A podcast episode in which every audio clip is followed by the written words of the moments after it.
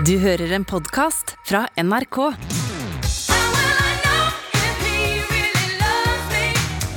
Noen er bare født til å bli superstjerne. Skjebnen er rett og slett satt. Og dette gjaldt i hvert fall Whitney Houston. Fra fødselen av var hun omgitt av musikkverdens aller største sangere, så ambisjonene var unaturlig høye fra start. Men med en gudegave av en stemme overgikk Whitney hele den majestetiske musikkslekta si og ble umiddelbart en av de første virkelig store popstjernene. Men det hadde sin pris. Et liv fullt av himmelhøye oppturer og kraftige nedturer endte på hjerteskjærende vis. I år er det ti år siden Whitney forlot oss. Og tragediene som ramma både henne og familien, overskygget historien om hvem artisten Whitney Houston var. Og ikke minst hvor enorm betydning hun har hatt for dagens popmusikk. Velkommen til Musikkrommet. Jeg heter Sandeep Singh.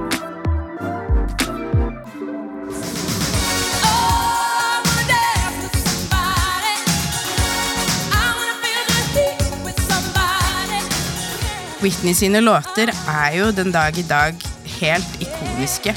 Du finner ikke et eneste bryllup eller fest hvor dans er viktig uten en Whitney-låt på spillelista. Silje Larsen Borgan er manager og tidligere musikkjournalist. Den aller viktigste grunnen til at du skal høre på Whitney Houston, er enkelt og greit den utrolig ville stemmen hennes. Du finner ikke lignende i pophistorien, rett og slett.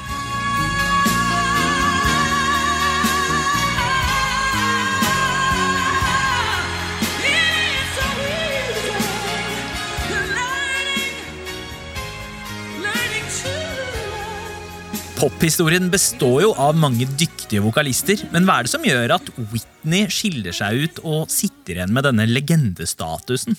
Det er jo stemmeprakten og låtene. Hun hadde også et veldig sånn tilgjengelig image. Girl next door. Hun fikk det til å se lett ut å være stjerne. Ja, for Whitney Houston ble jo en av de aller første skikkelig enorme superstjernene av popartister. Ja, hun, eh, Hennes entré inn i den store, skumle popbransjen var jo også på en tid hvor bransjepersonlighetene og bakmenn og kvinnene hadde begynt å kanskje tenke litt mer strategisk på hvordan man gjør ting. Eh, hvordan ting pakkes inn, hvordan det skal selges da for å nå flest mulig. Å tenke på popstjerner som et produkt begynte å bli ganske vanlig på midten av 80-tallet, da Whitney slo gjennom. Ja, og det å være i Altså å være hovedpersonen midt oppi det og skulle bli tilpasset både hvordan du ser ut, hvordan du snakker og hvem du er, selvfølgelig medfører jo det for enkelte noen utfordringer. Og det Girl Next Door-imaget hun slo gjennom med, gjenspeiler jo ikke hvordan hun egentlig vokste opp. Whitney Elizabeth Houston kom til verden i New Jersey i august 1963. Og ble født inn i en familie som man vel kan kalle musikalsk eh, royalty. Altså, Noen havner i familier som bærer deres arv gjennom hemmelige matoppskrifter, men Whitney kommer inn i en familie som har en stolt tradisjon for å treffe toner. Ja, mildt sagt. Altså, Moren hennes var jo da Sissy Houston, en gospelstjerne. Gudmoren hennes var Darlene Love. Og kusina til Whitney var jo en av de første stjernene, kanskje, i, i sånn poppete soul. Dion Warwick. What the world needs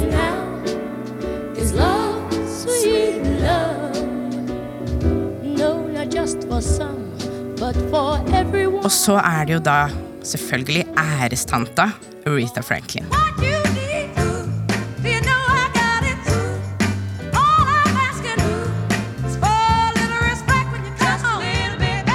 Det er ganske sjukt. Hvis du skulle ha komponert et slags sånn soul-musikkens Avengers, så hadde det jo vært nettopp disse fire damene her.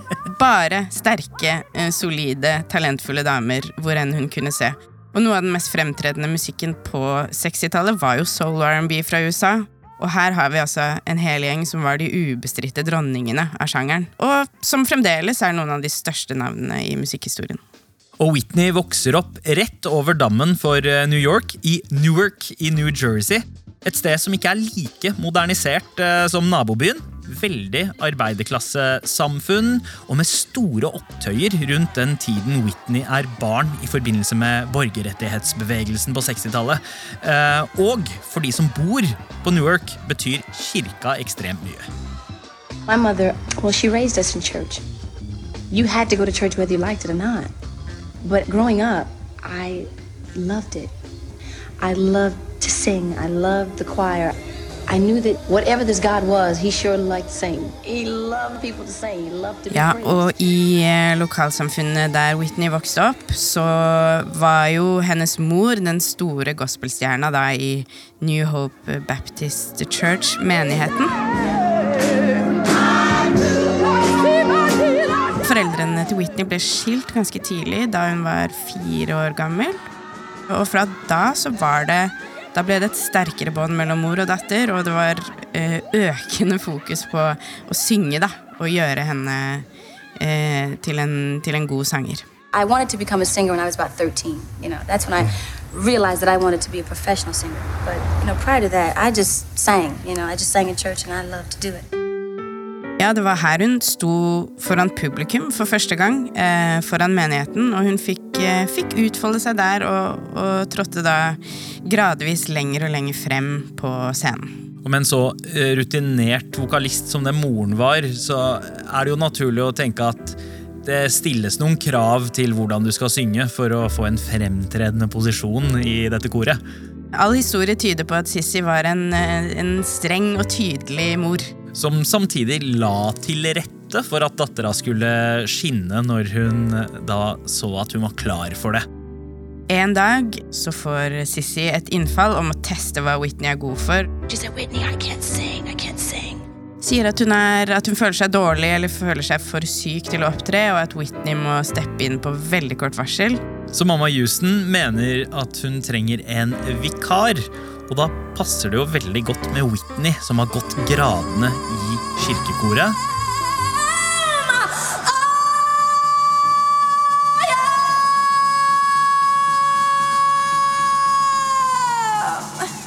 Det går selvfølgelig utrolig bra. So the next day she called. She said, "Hey, how you doing?" I said, "You." I said, "What's wrong with you?" I said, "You, you were sick." She goes, "No, I just want to see if you could cut it."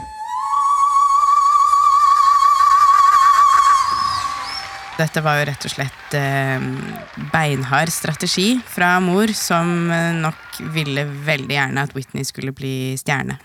Er jo kanskje naturlig at en eh, mor som det skjønner hvilket eh, potensial som bor i datteren sin. Men først så måtte Whitney altså bevise at hun kunne mestre den lille scenen i den lokale kirka, før hun kunne begi seg ut på den store scenen i nabobyen. For i storbyen over alle storbyer i New York ligger Carnegie Hall. En av verdens mest legendariske konserthaller, kjent for å være et glamorøst utstillingsvindu for både klassisk musikk og pop. Ja, og Sissy er jo en stor gospelstjerne og selvskreven på scenen der, i, i den storstua. Og hun ser selvfølgelig muligheter og tar med seg datteren sin dit, og Whitney blir med på en låt med mamma.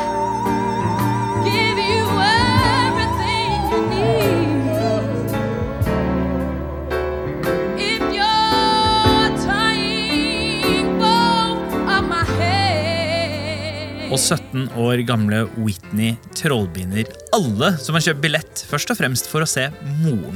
Og det er spesielt én person i salen som får et godt øye for Whitney. Ja, det er eh, en fotograf eh, som ser henne opptre, og man kan vel si at hun, hun blir oppdaget på flere måter. Ikke for sitt åpenbare fremste talent, eh, men for sitt vesen og, og sitt utseende.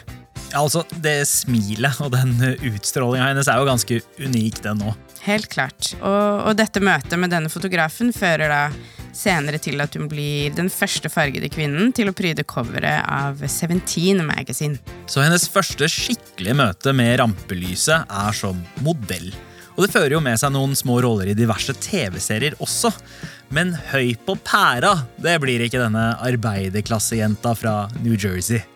Nei, hun holder beina på jorda, hun, og er ungdomsarbeider på det lokale samfunnshuset, hvor hun etter hvert møter en person som blir en veldig nær venninne. Den tre år eldre basketspilleren Robin Crawford. I was 16 and we were working at summer jobs. I remember thinking, wow, this is really going to be a trip this summer. I don't have any friends. And then here comes Robin with this beautiful, beautiful afro. She was tall and very statuesque, and I was like, wow, man. She stood up for me. And I remember thinking, I've known this person, it seems like all my life. Og denne relasjonen blir rett og slett en av de aller viktigste i Whitney sitt liv. Robin blir en viktig samtalepartner og etter hvert eh, samboer, og hjelper Whitney med å få oversikt over drømmene sine. Ja, Whitney selv var jo ikke så opptatt av uh, dette utseendefokuset, og hun syntes etter hvert at uh, modelljobbinga var nedverdigende, og det er jo musikken hun faktisk vil satse på. Og Whitney har allerede fått flere tilbud fra diverse plateselskaper, men som hun og moren ikke slår til på. Som er lurt, fordi hun signerer da til slutt med Arista Records og den legendariske platebossen og A&R-fyren Clive Davis. Og nå starter jo da Whitneys vei inn i popverden og ut mot publikum.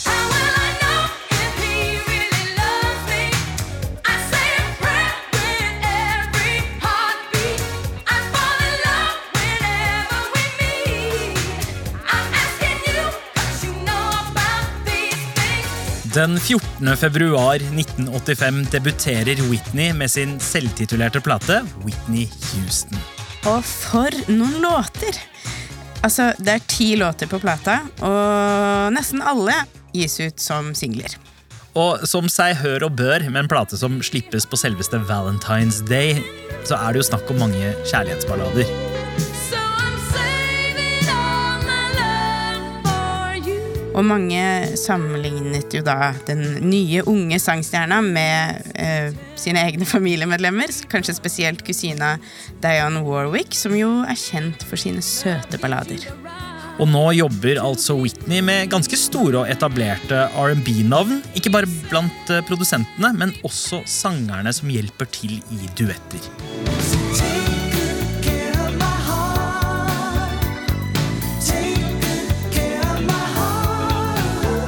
Coveret så ser vi en fortsatt veldig ung Whitney. Hun er jo da 21 år, altså så vidt voksen. Og bildet er det er rammet inn, og det er et sånn ikonisk bilde av en mild, men seriøs Whitney. Eh, veldig grasiøs. Vi, vi føler at vi ser hvem hun er. Men det tar likevel, på tross av all storheten som bor i denne debutplata her, litt tid før Whitney Houston når ut til alle. Ja, det tar nesten et helt år fra plata slippes til den går til topps på salgslista i hjemlandet. Men når den først havner der, så blir den liggende på førsteplass i 14 uker. Ikke bare i eh, USA, men topper faktisk lista her hjemme i Norge også. Og plata resulterer også i Whitneys aller første pris noensinne, en Grammy for coverlåta 'Saving All My Love For You'. Men låta som gjør det aller best av singlene fra debutplata, er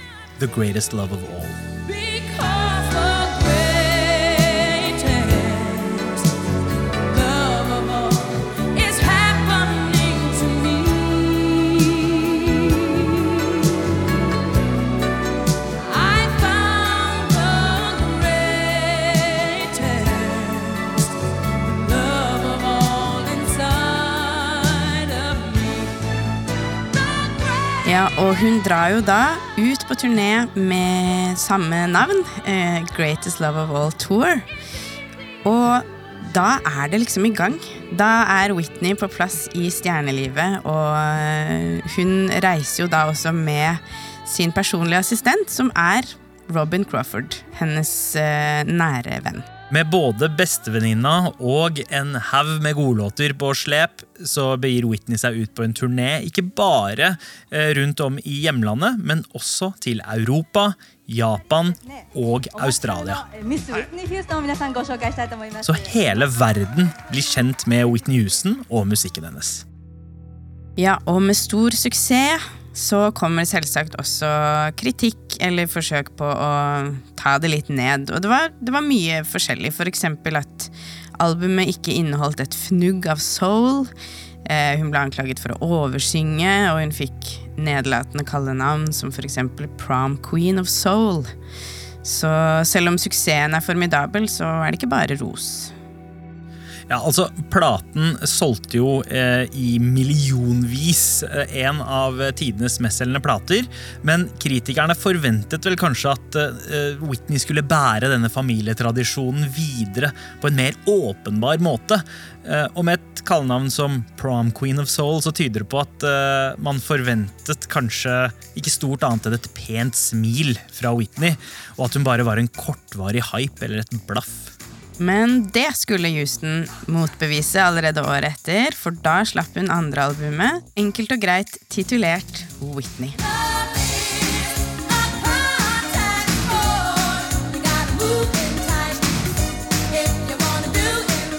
Nå tar det av eh, på ordentlig, da. Ja, ja. Altså, det albumet der. Altså, herregud. Eh, Feel good låter. Det er smilende Whitney eh, på coveret, først og fremst. Mm. låtene er dansegulvsfrieri. Det er fest. Ja, fest. Livsbejaende pop, eh, rett og slett. Og det gjør at Whitney Houston blir nærmest verdens største artist.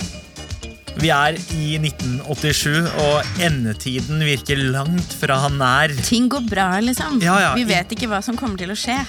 Ingen bryr seg nevneverdig om klimaproblemene, den økonomiske krisen virker langt unna, folk blir rikere, folk blir gladere, og her kommer Whitney Houston og er soundtracket til nettopp den stemninga.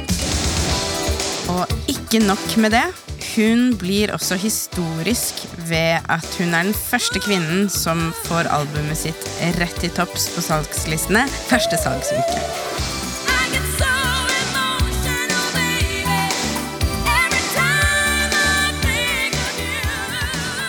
Og denne samlingen ikoniske låter, som topper listen i hele elleve uker, etablerer jo Whitney som en superstjerne. Og det er jo her vi får den eviggrønne klassikeren I Wanna Dance With Somebody.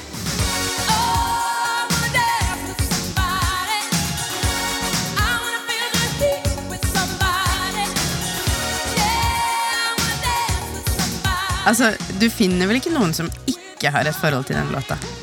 Rett og slett legendarisk. Men midt i all gleden rundt Whitneys andre plate er det nok en gang noen som skal lage kvalme. Ja, kritikerne mener fortsatt at låtene Det er ikke soul nok, det er milevis fra familiesoulen de egentlig forventa. Men det de henger seg mest opp i, er kanskje albumcoveret. For nå ser vi noe, nå er det noe annet enn debutalbumet. Nå ser vi en smilende, litt sånn lattermild Whitney. Hun har lysere hår, eh, sannsynligvis ikke sitt eget.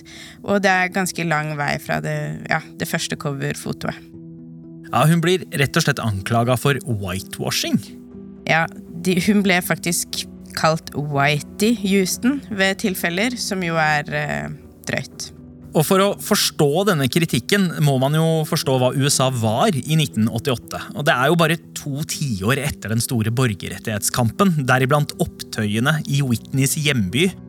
Og musikkbransjen er fortsatt segregert. Svarte artister som lager popmusikk, spilles på egne urbane kanaler og havner på R&B-lista og ikke på den etablerte popsingellista. Unntakene er de svarte artistene som eh, nærmest forventes å spille ned deres svarthet for å komme inn i varmen hos hvite amerikanere. Så det er veldig sårt på dette tidspunktet her, når svart identitet blir en veldig viktig greie for både musikere og samfunnet generelt. Og det er jo også det som skjer når hun blir kritisert for å, for å prøve å være for hvit, så klarte man kanskje ikke da å se at hun var en del av et maskineri som behandlet henne som et produkt. Hun skulle nå ut til både et hvitt og et svart publikum, og det, det var jo hele planen til Arista.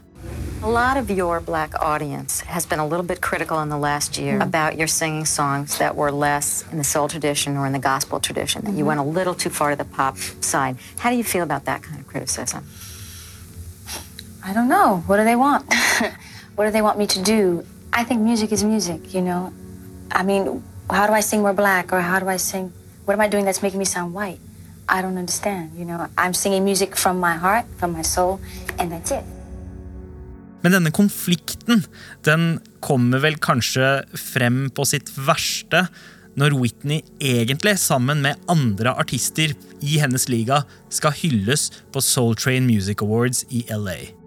Hun er nominert sammen med artister som Michael Jackson, Janet Jackson, andre crossover-artister som også har uh, på en måte uh, brutt barrierene mellom svart og hvit, men alle henger seg opp i Whitney Houston. The nominees for Best R&B Urban Contemporary Single by a Female are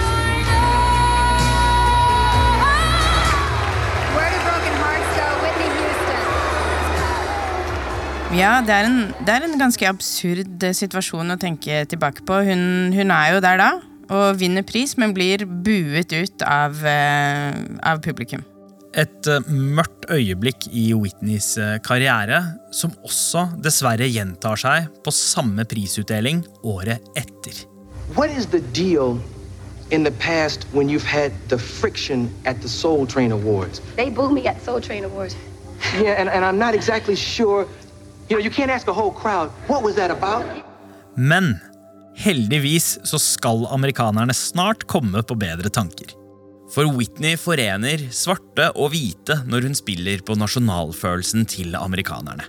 Svarte har alltid hatt et problematisk forhold til flagget, men for hvite er patriotismen der borte sterke saker. Spesielt er den det vinteren 1991, for USA har gått i krig mot Irak. Og det blir mye følelser i sving, for er det én ting amerikanere elsker, så er det å høre sin egen nasjonalsang.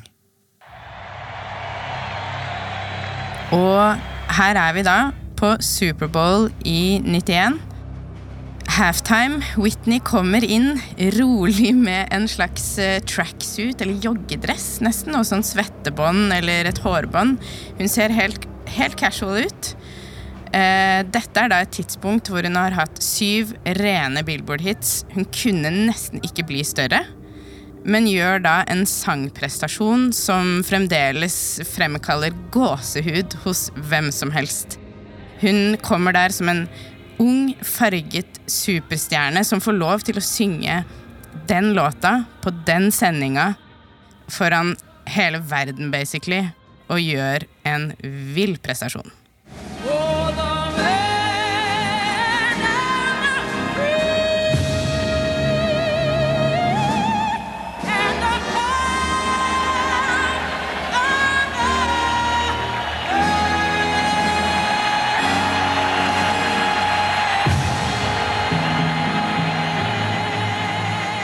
Herfra blir Whitney bare enda større.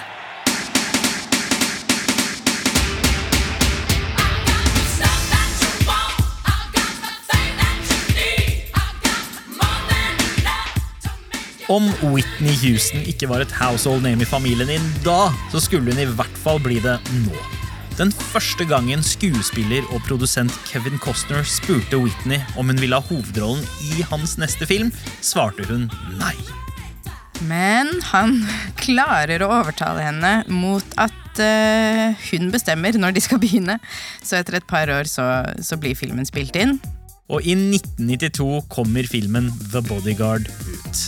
Og kanskje ikke helt uventa så blir den slakta av kritikere, men den blir likevel stor blant publikum, men soundtracket blir enormt. Det renner over av låter som får mange flere lyttere enn filmen får seere, for å si det mildt. I'm Every Woman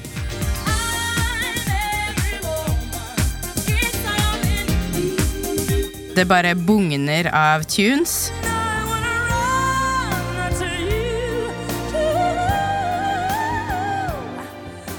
Og så har vi jo da her også godbiten. I Will Always Love You, som er skrevet av Dolly Parton. Som vel må kunne sies å være en av verdens beste kjærlighetsballader. Og her, fra Whitney, levert med en vokalprestasjon helt uten sidestykke.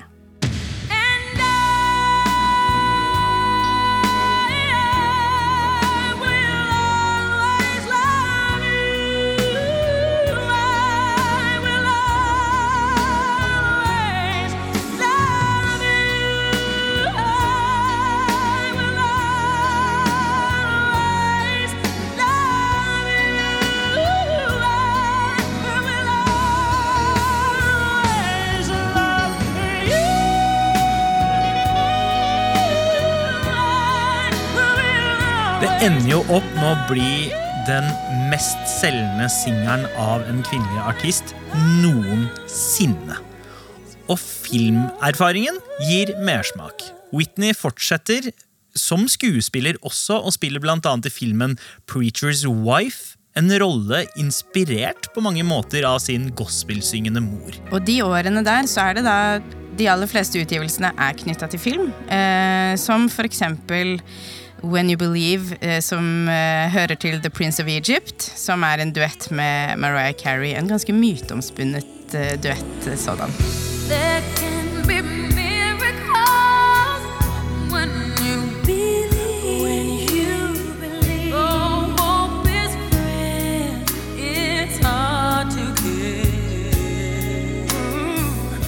Altså den derre fraseringskonkurransen de har eh, i bridgen på den låta der. Ja, d- Fraseringskonkurransen, men også den derre Var de i det hele tatt i studio sammen? Det er ingen som vet. Denne idrettsprestasjonen av en duett eh, ender jo til slutt opp på det som skal bli Whitneys første album på mange år. Ja, comeback-plata, kan man si. My Love Is Your Love.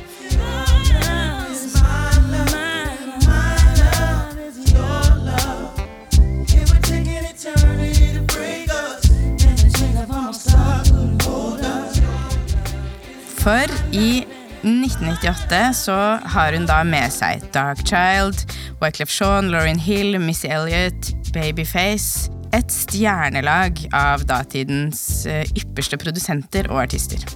My Love Is Your Love er full av tidsriktige hiphop og R&B-sounds, og det fører jo til Whitneys mest svarte skive hittil. Og samtidig virker det nærmest som et fuck you til alle kritikerne, der hun på platecoveret har det blondeste håret hun noen gang har hatt. Jeg syns det er vanskelig å sette ord på hva som gjør denne plata god og skiller seg litt ut. Og det er nesten klisjé å si det, men den føles bare litt mer sånn sjelfull. Litt tyngre, ikke så lettbeint som den popen vi møtte på, på 80-tallet. Eh, kanskje er en av grunnene til det at Whitney har fått en ny kjærlighet i livet sitt, som er eh, morskjærligheten til, til datteren Bobby Christina. Og ikke minst så fikk vi følelsen av at vår kjære Whitney er tilbake. It's not right,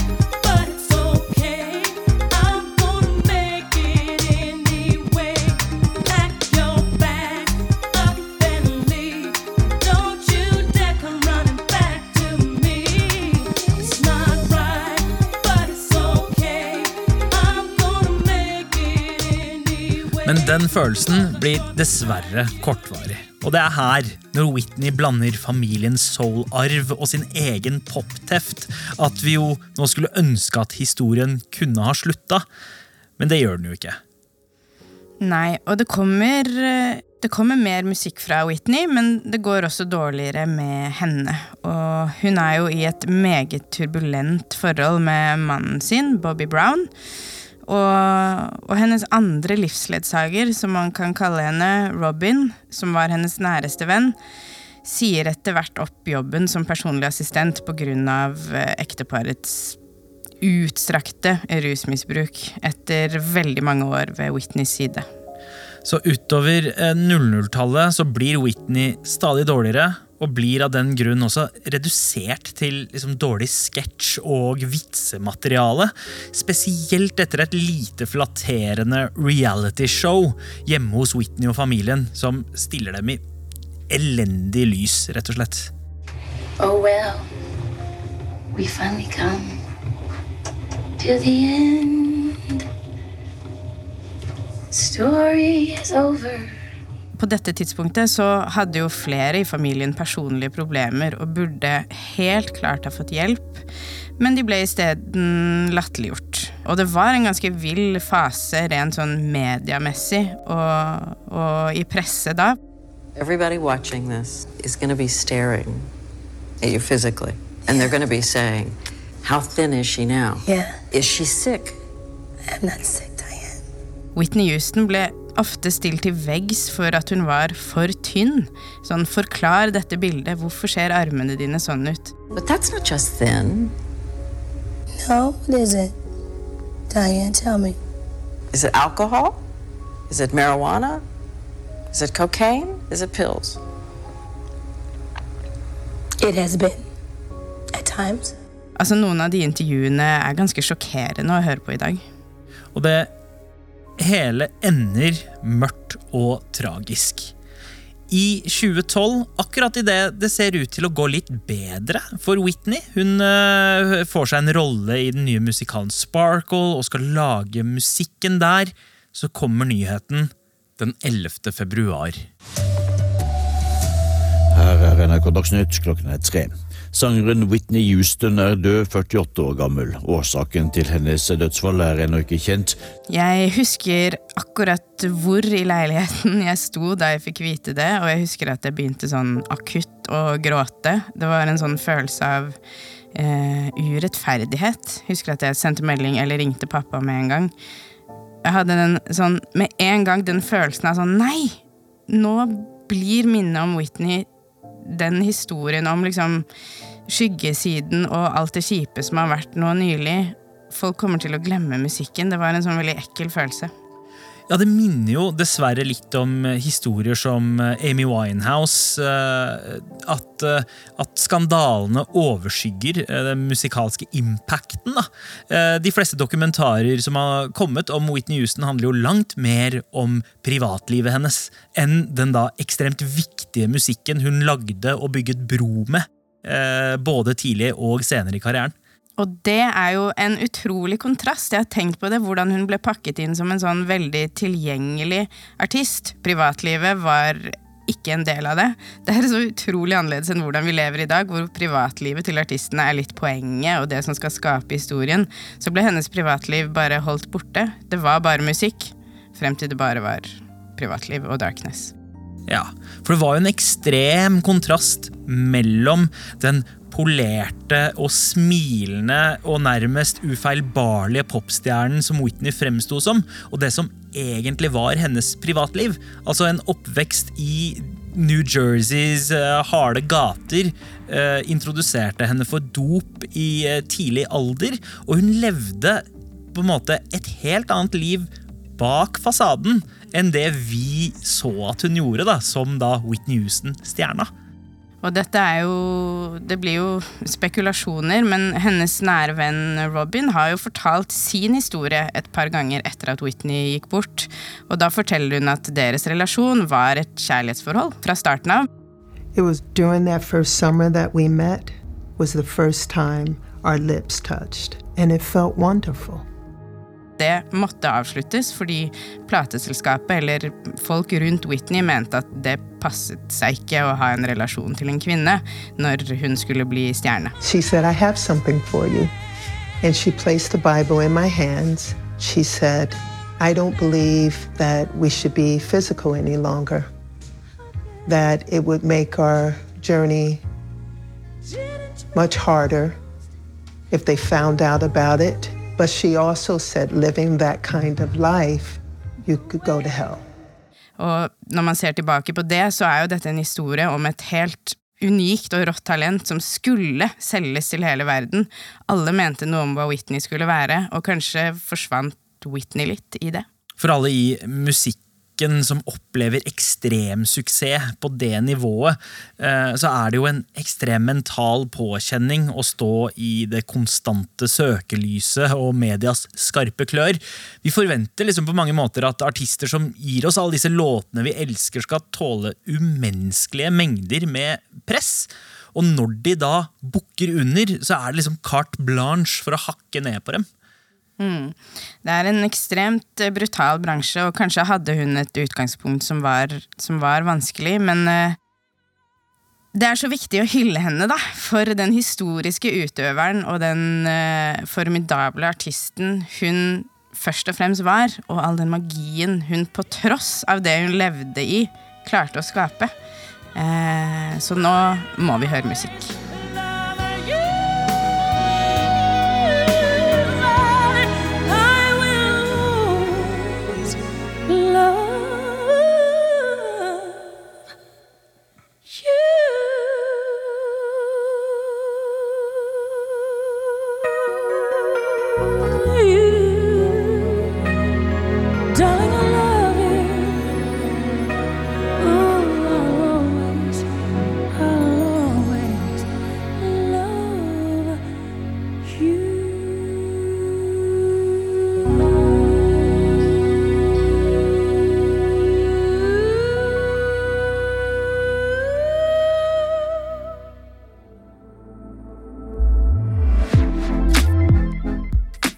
Du har hørt en episode av Musikkrommet. Hvis du likte det du hørte, anbefal oss gjerne til en venn. Takk til gjesten vår, Silje Larsen Borgan. Denne episoden er laget av Amund Grepperud, Jean Kristin Sena, Astrid Aspen, Nils Vingerei og meg, Sandeep Singh. Redaksjonssjef er Ingrid Nordstrand. Du har hørt en podkast fra NRK. De nyeste episodene og alle radiokanalene hører du i appen NRK Radio.